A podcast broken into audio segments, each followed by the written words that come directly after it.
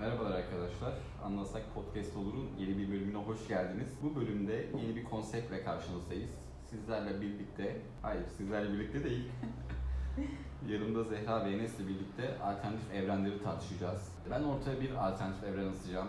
Mesela herkesin günde 3 kelime konuşabildiği bir evren nasıl olurdu? Sonra bunun üzerine konuşacağız, tartışacağız. İşte öyle olurdu, yaşamayı tercih ederdik, şu tarz olaylar yaşanabilirdi gibisinden. Biraz daha akıl yürütmeye yönelik. Tabii bu evrenleri bulurken bazı kaynaklardan da yararlandık. Özellikle bazı arkadaşlardan şey eleştirisi oldu. Çok filmlerden çalıyorsunuz. Evet çalıyoruz. Maksat evren bulmak değil, bunları tartışabilmek çünkü. Evet, başlayabiliriz hazırsanız. Başlayalım. Seçeceğimiz liseye ve mesleğe bir algoritmanın karar verdiği evren. Bu arada bu algoritma nasıl olacak? Aslında bildiğimiz Big Data hani bizim bu yaptığımız hareketleri inceleyen, hangi hareketlerin sonucunda ne çıktığına bakan, hani her şeyi kaydeden Big Data en son bakacak diyecek ki bu insanlar bu tarz insanlarla birlikte mutlu olur, bunları yapmaya yatkındır gibisinden kararlar verip bizi önce liseye yerleştirecek. İstersen bunu tartışalım önce. Sence hangi liseye seçeceğimizi bir algoritmanın karar verdiği evren nasıl olurdu Zehra? Yani ben bunu yapabileceğini düşünmüyorum. Çünkü daha yeni ergenliğe giren bir insan nasıl ölçülüp bir yere yerleştirilebilir ki? Çünkü daha tam karaktere oturmamış, gelişmekte olan hani nasıl ne kadar öngörebilir? Ben algoritmanın bu kadar gelişmiş olabileceğine inanamıyorum. Burada bir soru yaşıyorum direkt. Bence sonuç olarak kişinin kendi karar verme mekanizması da o zaman gelişmemiş diyebiliriz. Yani 14 yaşındaki insanın karakteri tam oturmamışsa o zaman kendi verdiği kararlar da biraz sakıncalı değil midir? Ama şimdi zaten bir insan kendi gideceği liseye ne kadar karar veriyor ki? Evet. Aile etkisi var ya. Evet tam olarak bu. Yani bunu kaldırıp bir algoritmaya karar Ha, aile- diyorum. Aileden yetki alıp algoritmaya vermek mantıklı olabilir. Bak bu kabul edilebilir. Çok mantıklı. Yani biz, biz bu evrende yaşamayı tercih ediyoruz o zaman. Bu mudur? Ben algoritmaya güven sorunları yaşıyorum şu an. Yok algoritma müthiş güvenli. Her Tamam. şeyi izliyor. 7 milyar insan hepsine hakim. O zaman Bayağı bayağı iyi ya. Çok, var. çok iyi. Yani kendi lisende mesela eşit ağırlıkçı sayısalcı falan olaylar oluyor ya.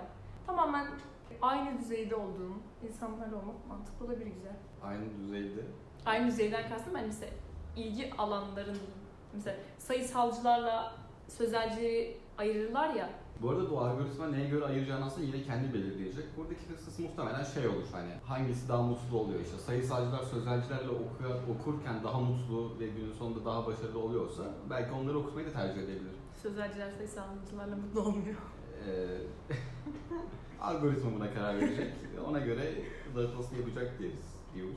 Evet, buna okey miyiz? Peki bunun meşruiyeti nedir yani? Mesela ben bunu dayat, ben atıyorum Cumhurbaşkanı oldum ileride ve bunu dayatmaya çalışıyorum. Hani bu belli ki daha faydalı olacak duruyor. Çünkü yani en azından insanların mutluluğunu En azından sınav yok. Ben bunu bile sevindim. Bilmiyorum.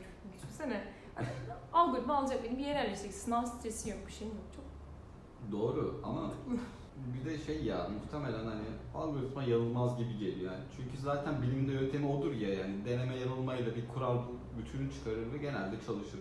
Ya algoritmanınki de genelde çalışacak en azından kendi yaptığı karardan daha iyi olduğunu bilecek insanlar ama mesela bunu dayatmak yine biraz sakıncalı değil midir? Yani nasıl bir ters tepki verebilirler diye düşünüyorum. Şey olabilir. Hani şu anki sisteme göre düşündüğümüzde iyi bir yerde olan işte ne bileyim torpil morpil olaylar oluyor ya onun gibisinden e, çocuğunu aslında ait olmadığı bir liseye gönderme falan olaylarında çocuk kendine ait hissetmek için zaten direkt belli bilmiyorum ya. O Ya bunların olmadığı evrenlerde de bence daha iyi. Mesela kendi isteğinle de yanlış tercihler yapabiliyor ki ya 14-15 yaşlar yanlış tercihler yapabilmek için en makul yaşlar yapılabilir. İlla ekstrem örnekleri düşünüp de bunları düzeltiyor demek şey mantıksız. Mesela atıyorum beni 15 yaşındayken sosyal bilimler lisesine gönderse ben buna müthiş tilt olurdum. Hani derdim ki Ben sosyal bilimler lisesinde okudum. Teşekkür ederim. rica ederim. Mesela algoritma benim geleceğimi benden daha iyi tahmin edebildiği için bunu gönderecekti. Ben o zaman için mutsuz olacaktım belki ama aslında gelecekte belki de sözleri daha yatkın olduğumu anlayıp mutlu olacaktım gibi de olabilir mesela. Ben de şey diye düşünüyorum. 13-14 yaşındayken hani lise tercih dönemlerinde dedim ki asla fen lisesine gitmek istemiyorum. Çünkü bir fen lisesi, yani bir ablam var. Fen lisesinde nasıl çalışıldığını biliyorum. Oradaki insan tiplemesini biliyorum. Dedim ki asla fen lisesine gitmek istemiyorum. Sosyal bilimleri görünce şey olmuştu. Ah çok iyi, harika. Mesela algoritma senin fen lisesine de yazabilir. Yani bunu da düşünmen gerekiyor. Hani ablandan gördüğün o işte beğenmediğin fen lisesinde senin Ama benim- uygun da görebilir. Ama ablamla benim farkımı görüp beni ona uygun göremez. Yani ya ablamı başka bir yere yazacak ya beni. Çünkü çok farklı insanlarız. Sen öyle zannediyorsun belki. Ya algoritma bunu an- anlaması gerekiyor. Yani bilemedim mesela dedi ki Sen algoritmaya güvenmiyorsun şu an. ben güveniyorum ama şey diyorum senin kısa vadede hatalı olarak gördüğü karar aslında uzun vadede belli ki hatasız ya da belli ki daha yüksek ihtimalle doğru. Hani şey değil belki de daha mutsuz olacaksın ama en azından en yüksek ihtimalle orada mutlu olacaktığını biliyor algoritma sonuç olarak. Hani sen bu kısa vadede kesin olarak şey görüyorsun. Mutsuz olurum burada ama algoritma bunu düşünmüyor. Ya ama mesela şeyde var ya insanlar kendilerini bir ortada bir suç varsa ya da rahatsız oldukları bir şey varsa bir şey birini ya da bir şeyi suçlamaya daha eğilimliler ya. Mesela bu tercihi ben yaptım. Mesela liseye gittim. Tercih benim tercihim. Eğer lisede kötü bir şey varsa ben buraya geldim işte tercihimi kötü yaptım diye değil. O buradaki insanlar kötü ya ondan dolayı gibi başkalarını suçlama eğilimi. Burada da yine algoritmayı suçlarsın. Hı hı, Bu iyi midir peki mesela? Ben yaptım yerine algoritma... Savunma mekanizması bu bunu. Hayır ama şey mesela birinci evrende diyorsun ki ya benim hatamdı ben kötü yaptım. Gerçi onu da demiyorsun. Arkadaşına Demiyorsun işte Tamam. Ama mesela algoritmaya suç atmak iyi bir şey mi? Yani, Ne kadar mantıklı. ya mantıksız bir şey ama günün sonunda iyi midir? Yani kendini suçlamaktansa zaten suçlamıyorsun. Dur. Bu toparlayacağım. Tıkandım. Şöyle ki. Neyse bence bu tartışmanın asıl Devam. noktası ne biliyor musun? Devam et. Asıl kilit noktası bence mesleğimize de algoritmanın karar verdiği bir evren. Yani üniversitemize de aslında algoritma karar veriyor ya da üniversite okumayacağımıza da. Hmm. E, Bunu yaparken yine Big Data işte seni belki kendi sınavlarına sokuyor, hareketlerini gözlemliyor, işte becerilerini test ediyor bunu yaparken. Ve bunun sonucunda sana bir meslek seçiyor. Evet, bu evren hakkında ne düşünüyorsun? Mantıklı geldi bana yine ya.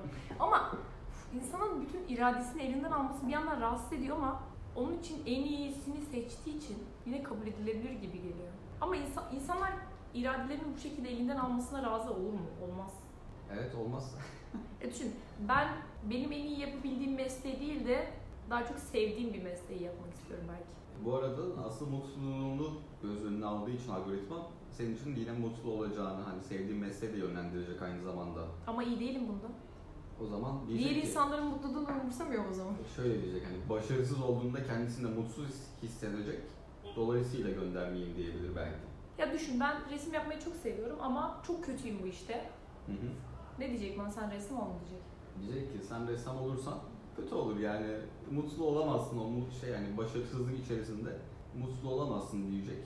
Çünkü sen hani başarısız bir ortamda mutlu olmayı başarabilen bir insan değilsin diyecek E mesela. yine beni mutsuz etti çünkü ben de- dedi ki mesela sen ressam olma git eee, ne dedi doktor ol dedi tamam mı?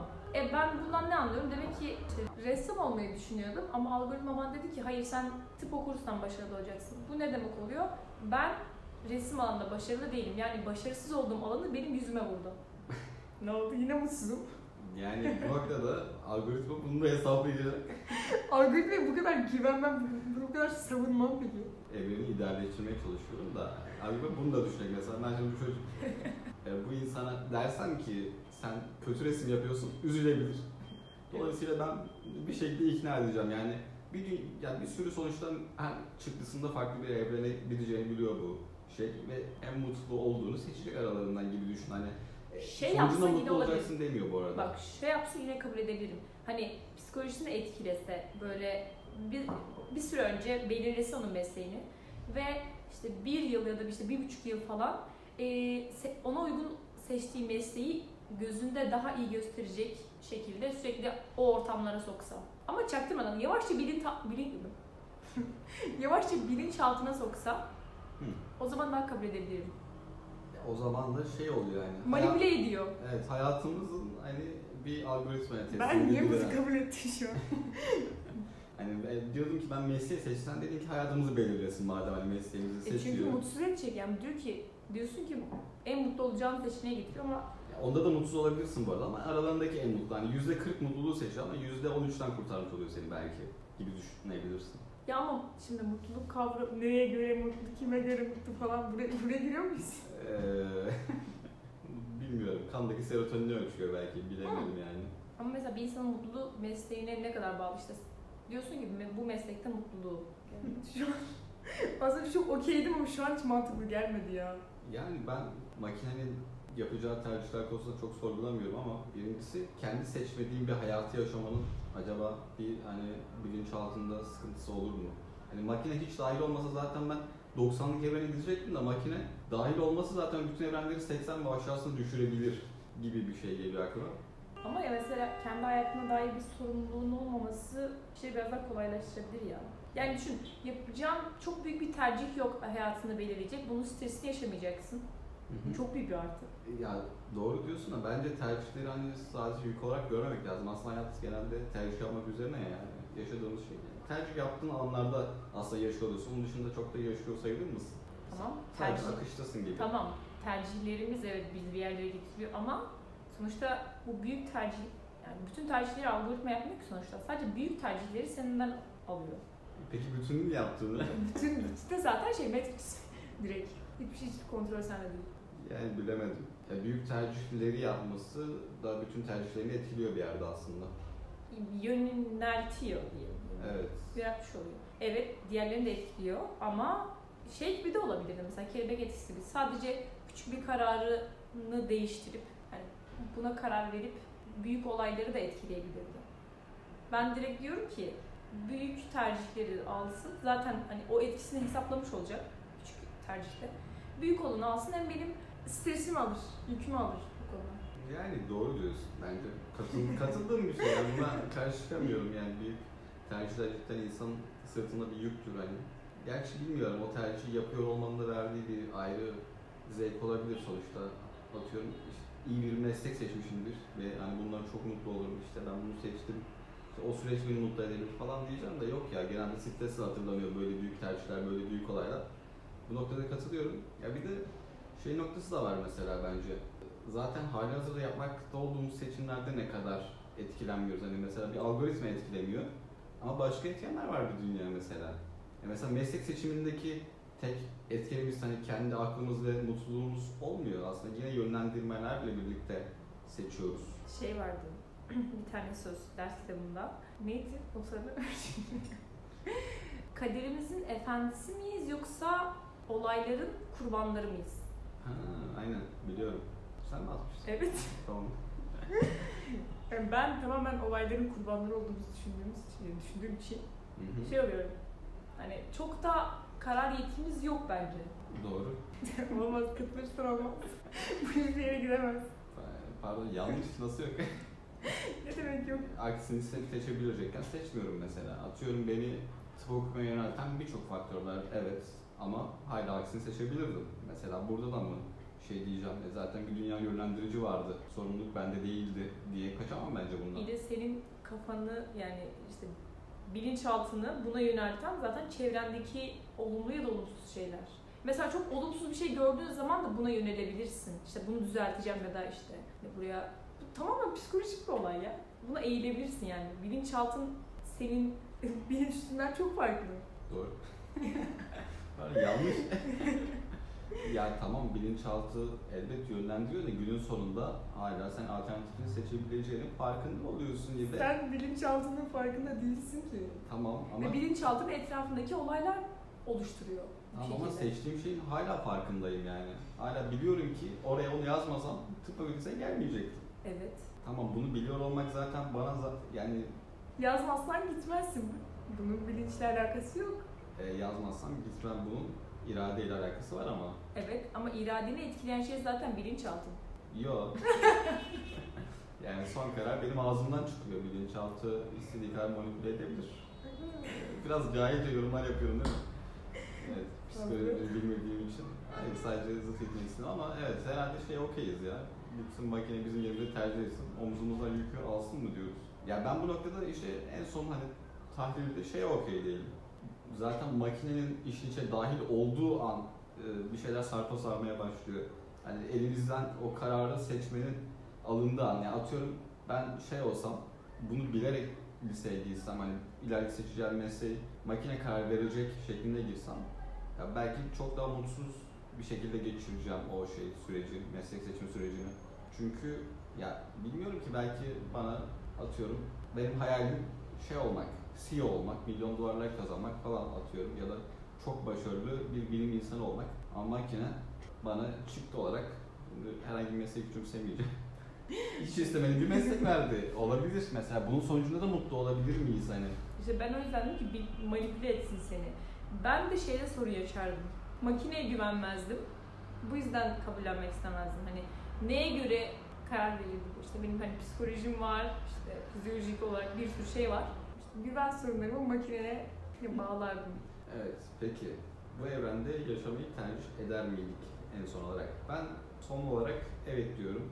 Çünkü büyük kararların verdiği stres cidden büyük. İkincisi makinelere insanlardan çok güveniyorum. Çünkü sınırları yok yani. İnsanın beyninin bir sınırı var. Alabileceği bilgileri. Ama makineler insan üretimi ya. Evet ama şey yani seri üretir. Yani bilmiyorum. Olsun. Ama çok fazla şey öğrenebiliyor yani. Yani sınırı yok. Sonuç olarak elektrik devresi olduğu için hani bizim gibi sinir bağlantısı neyse buraya kimse Ama ben güveniyorum çünkü şey insan üretimi ama öğrenmeyi sınırsız şekilde yapabiliyorlar. Hani insanı geçebilirler. İnsan üretimi olması onları daha güçsüz yapmaz insanlardan. Ben liseyi tercih etmesine yine okeyim ama meslek tercihini de kabul etmiyorum. Çünkü makinelere güvenmiyorum, insanlara güvenmediğimden dolayı yani o kadar iyi bir makine yapabileceklerini düşünmüyorum.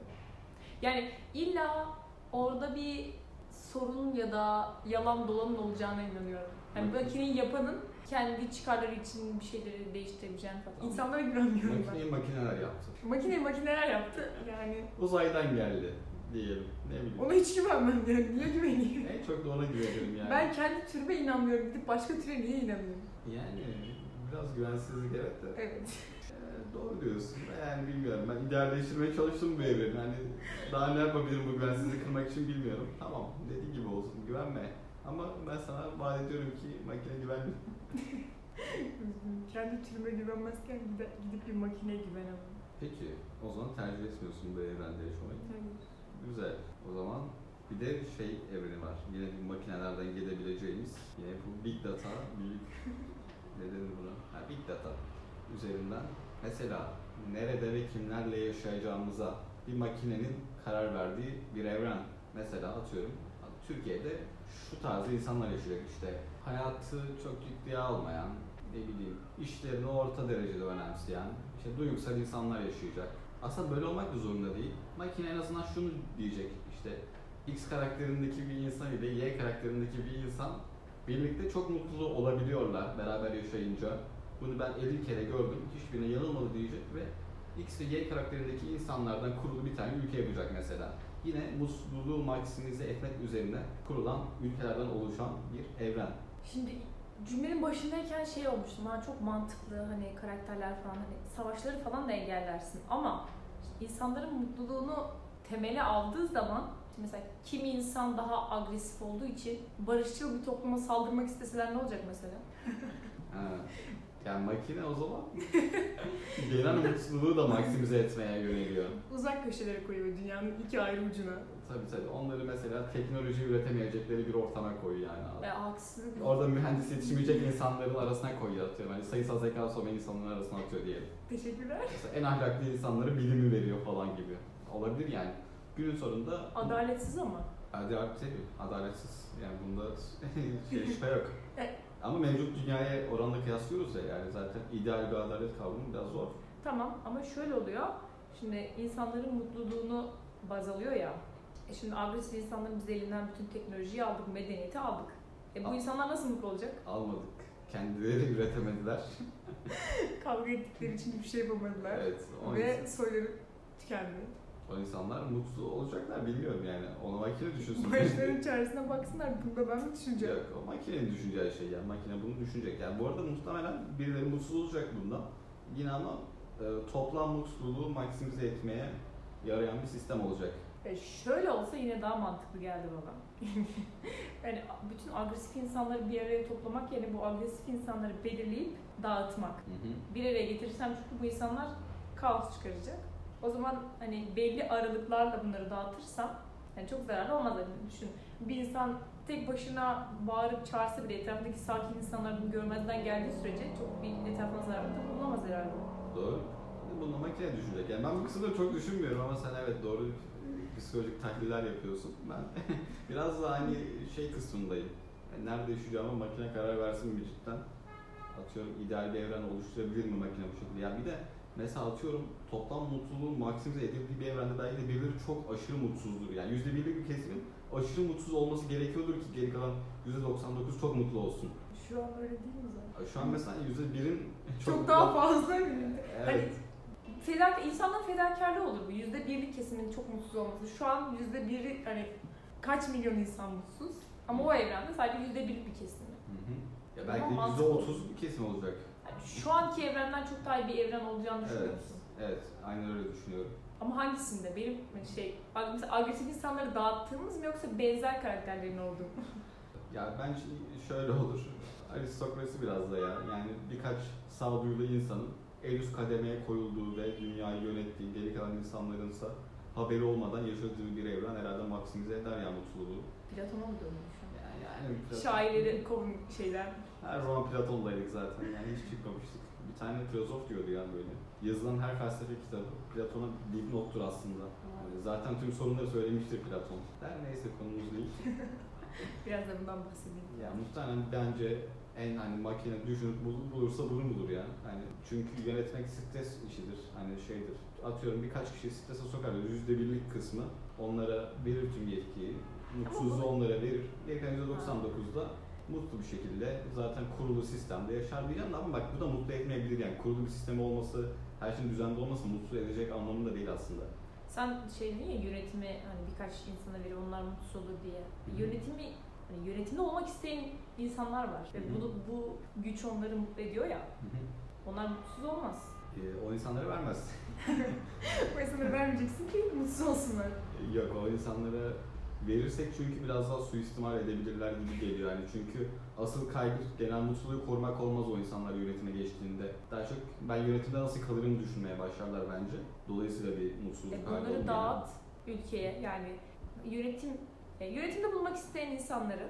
Hı hı. dedim ya kol, koloni koloni bölüyorsun. Her koloninin başına yönetimde olmak isteyen birini koyuyorsun. Bu insan yani yönetimde kalayım çabasına girmez. Çünkü zaten o koloni ona verildi. Çünkü buna uygun olan oydu. Ve hani e, kişinin karakterine göre algoritma çok iyi olduğu için kendine uygun bir koloniyi verebilir ona. Ya bu arada şey düşünmemek lazım burada. Hani makine yerleştiriyor ve herkes o makine biliyorsa, o- yani makine yaptıysa o biliyordur zaten ben buna uyayım şeklinde ilerliyor. Olmayabilir yani.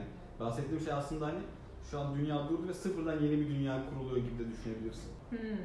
Ve hani kimse farkında olmadan hani demek ki buydu benim rolüm diye devam edecek yaşamına hani gibi. Ama makineden haberi yok belki de insanların. Ya da maksimum mutluluğunun bu olduğunu. Ya belki de böyle bir makine vardır ve basılmıştır ve biz o- şu an o evrende yaşıyoruz. Onu da bilemeyiz. Şu an belki de maksimize mutluluğun olduğu bir evrendir. Niye? Bu kadar mı? Ya bu kadar mı mutlu olamıyormuşuz? En fazla mutluluk bu mu oluyormuş? Doğru mu söylüyorsun? Yani bence maksimum mutluluğun olduğu evreni de söyledim bu arada. Hani biraz daha cahilliğin kol gezdi yani çok az bilginin verildiği. Çünkü bilmek mutsuzluk getiriyor hakikaten hani. Cehalet mutluluktur evet de ama cehalet çevresine de çok mutsuz yani cehalet senin için mutsuz bir mutluluk yani ben cahilsem mutluyum evet ama benim cehaletim çevremdeki insanlara zarar veriyor mutsuzluk veriyor Ee, doğru. karanlık çağa düşününce bir o insanlar cahil ve yaptıkları şeyler yani kadınlar yakılıyor falan bu mutluluk falan değil yani Doğru. o adamın cehaleti o kadını mutlu etmiyor Ee, doğru yani bahsettiğim cahillik bu değil aslında.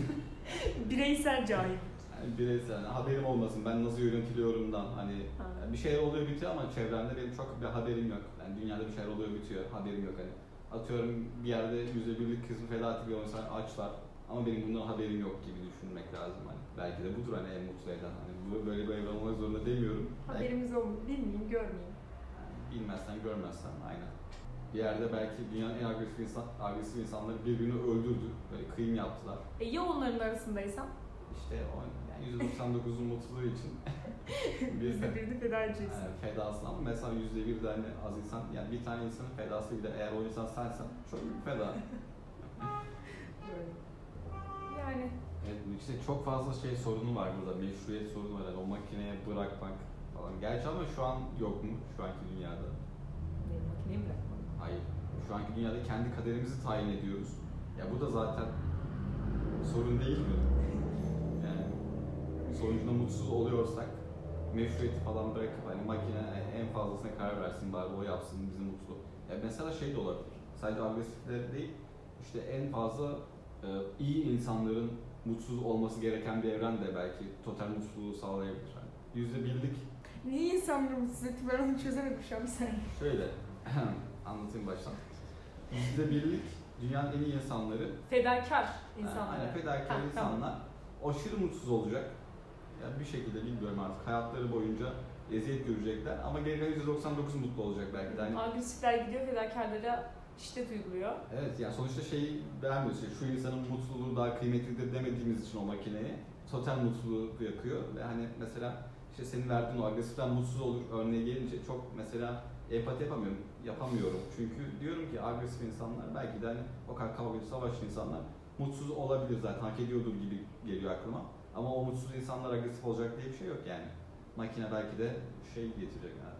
Fedakar iyi insanlar işte sağduyulu insanlar mutsuz olacak günün sonunda ama yine total iyilik olacak, total mutluluk olacak. Çok kötü ya.